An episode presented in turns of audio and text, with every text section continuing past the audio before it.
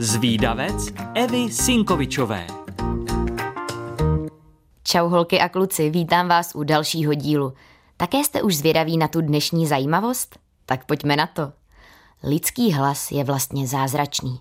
Je to charakteristický znak naší osobnosti a je jedinečný.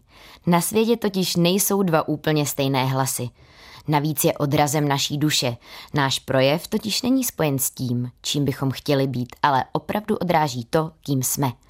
Částečně ho ovlivňuje naše vrozená anatomická výbava, ale záleží i na tom, jak na tento náš takzvaný nástroj umíme hrát.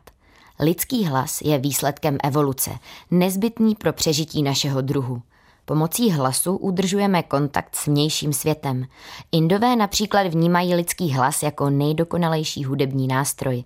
Zpěváci a zpěvačky jsou v Indii uctíváni. Výzkumy ukázaly, že obyčejný zpěv je účinným terapeutickým prostředkem. Lidský hlas je zvuk vznikající modulováním proudu vzduchu kmitajícími hlasivkami a právě hlasivky jsou nejspíš nejdokonalejším svalem lidského těla. Dokáží příčně, podélně i vlnovitě kmitat a zvládnou až desítky tisíc kmitů za minutu. Zjistilo se, že to, jak jsou napjaté svaly hlasivek, odpovídá našemu emočnímu stavu. Určitě si vzpomenete, že když jste měli strach nebo trému, tak se vám stáhlo hrdlo i hlasivky. Řešení je ale celkem jednoduché. Stačí si trochu zaspívat a hlasivky se uvolní. Postačí dokonce i neslyšitelné mručení a hned se budete cítit lépe, méně napjatí. Najednou je hned jasnější, proč při různých obřadech mniši i několik hodin hlubokými hlasy opakují verše svatých písem. Uvolní se hlasivky, napětí a bloky a dojde k očistě. Proto je také dosud populární zpěv ve sboru. Lidé se při této aktivitě cítí dobře.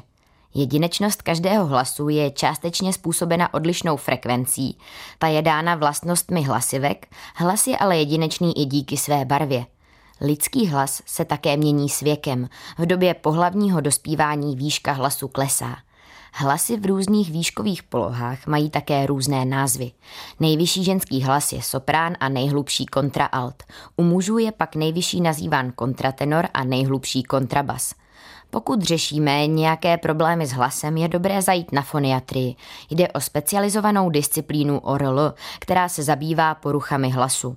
Každý z nás má také od narození jakýsi akusticko-fonační reflex.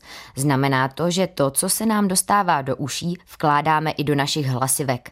Pokud tedy například jeden z rodičů mluví hlasem s vrozenou vadou, je vysoce pravděpodobné, že dítě poruchu převezme. Všimněte si, že rodič a dítě nebo dva sourozenci mluví často velmi podobně. Mají to zkrátka odposlouchané.